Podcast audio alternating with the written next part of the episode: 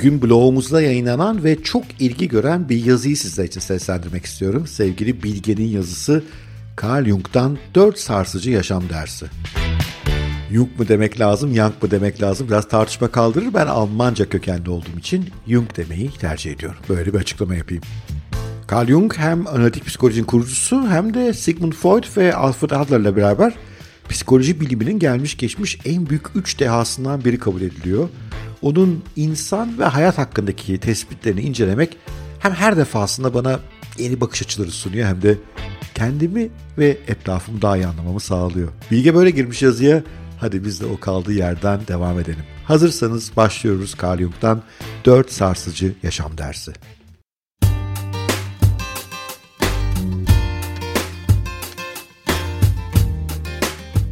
Ben başıma gelen şeylerin toplamı değilim, ben olmayı seçtiğim şeyim. Böyle diyor Carl Jung.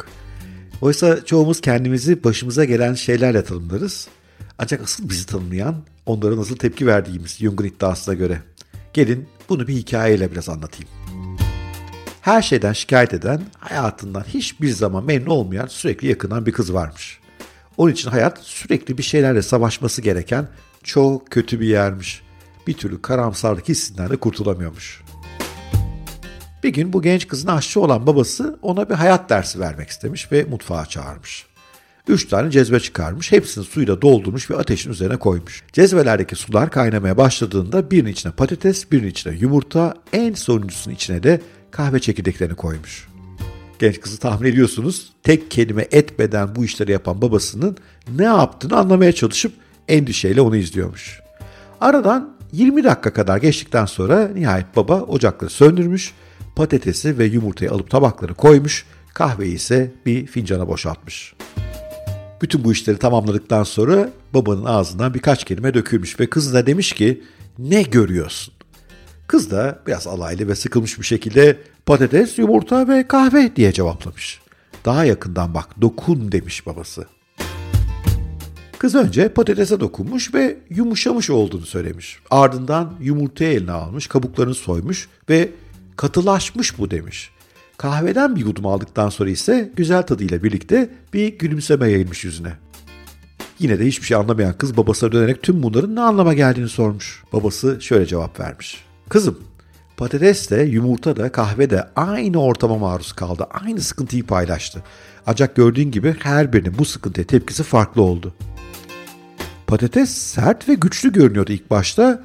Kaynar suya girdikten sonra güçsüzleşti ve yumuşadı. Yumurta incecik kapuğun içinde güçsüz ve kırılgandı.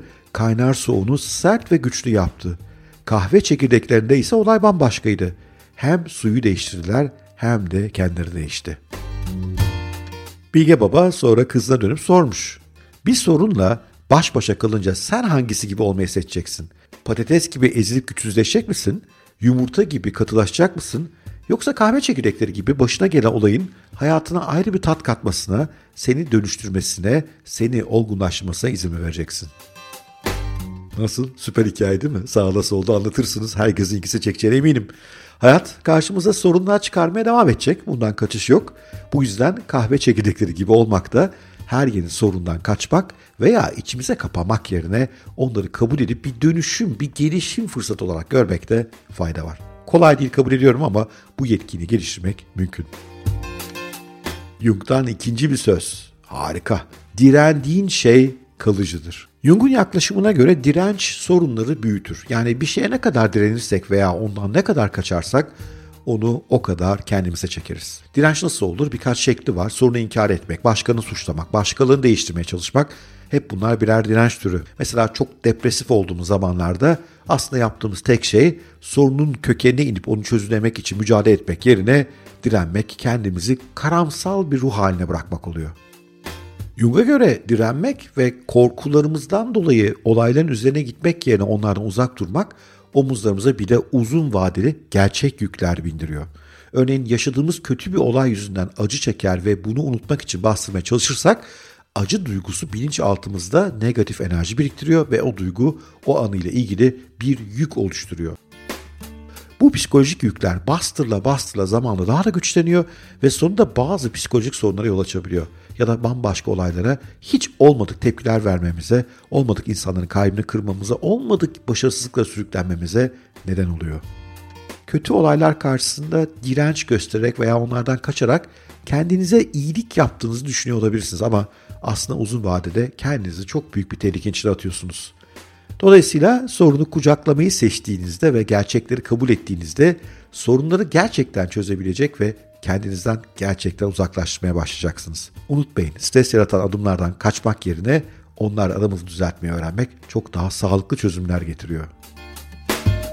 Jung'dan üçüncü hayat dersi. Düşünmek zordur bu yüzden çoğu insan yargılar. Jung diyor ki başkasını yargıladığımızda aslında bu o kişiyle ilgili değil kendimizle ilgili. Kendimizi yargılıyoruz. Başkalarında bizi rahatsız eden şeyler aslında bizim yansımamız. Çoğu zaman bilinç dışımız derinlerde bize ait olan ancak görmeyi ve kabul etmeyi sevmediğimiz tarafımızı yargılıyor. Bundan kurtulmanın yolu ise Jung'a göre empatimizi geliştirmekten geçiyor. Empati yeteneğine yani başkalarını anlama yeteneğine sahip olan insanlar kendilerini başka bir bilincin yerine koyarak olaylara onun bakış açısından bakıyor ve hissediyor. İletişimde oldukları kişiyi daha iyi anlıyorlar, çözüm odaklı oluyorlar. Karşındakinin hep ne hissettiğini, ne düşünebileceğini anlamaya ve ona göre en doğru yaklaşımı sergilemeye çalışıyorlar. Bu konuda harika bir Kızılderili atasözü var. Benim hayatımı yargılamadan önce benim ayakkabılarımı giy ve benim geçtiğim yollardan, sokaklardan geç. Benim takıldığım taşlara takıl, yeniden ayağa kalk ve aynı yola tekrar gir. Benim gittiğim gibi gidersen ancak o zaman beni yargılayabilirsin. Harika değil mi? Ve Jung'dan son bir hayat önermesi. Bir kişiye uyan ayakkabı diğerine dar gelir. Yaşamak için evrensel bir reçete yok. Buna bayılıyorum. Yaptığımız en büyük yanlışlardan birisi kendi hayat tarzımızı başkalarına dikte ettirmeye çalışmak ve başkası tarafından bize dikte ettirilen yaşam biçimlerini kabul edip onlara uyum sağlamaya çalışmak. İkisi de yanlış. Ancak asla değişmeyecek bir gerçek var. Her birimiz farklı yerlerden geliyoruz. Her birimiz benliğimizi bambaşka şekillerde inşa ettik. Her birimizin hedefleri, değerleri, beklentileri, mutlulukları ve umutları bambaşka. İşte bu yüzden her birimizin yolu farklı. Hayatınızın sadece size özel olduğunu asla unutmayın ve sadece kendi şartlarınıza göre yaşamaya, sadece kendinize uyum sağlamaya bakın siz. Birbirimizin topraklara ayak basmadık o yüzden ne biz başkası için en iyi olanı biliriz ne de başkaları bizim için en iyi olanı bilir. Evrensel bir doğru ya da yanlış yok ama milyonlarca ihtimal ve fırsat var. Ve bizim ihtiyacımız olan da o fırsatları keşfedecek kadar cesurca bir hayat sürmek. Evet, Jung'un bu sözlerine bayıldım. Bir sürü şey yeniden hatırlamamı sağladılar. Bilgi açıkçası güzel kaleme almış onları. Ben de size sunmak istedim. Tekrar hatırlatayım. Bu blogumuzdan bir alıntıydı.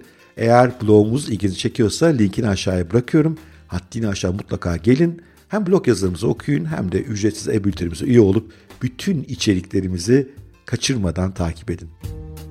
Eğer sorularınız, yorumlarınız varsa her zamanki gibi bora.özkent.co adresinden onu da linkini aşağıya bırakıyorum.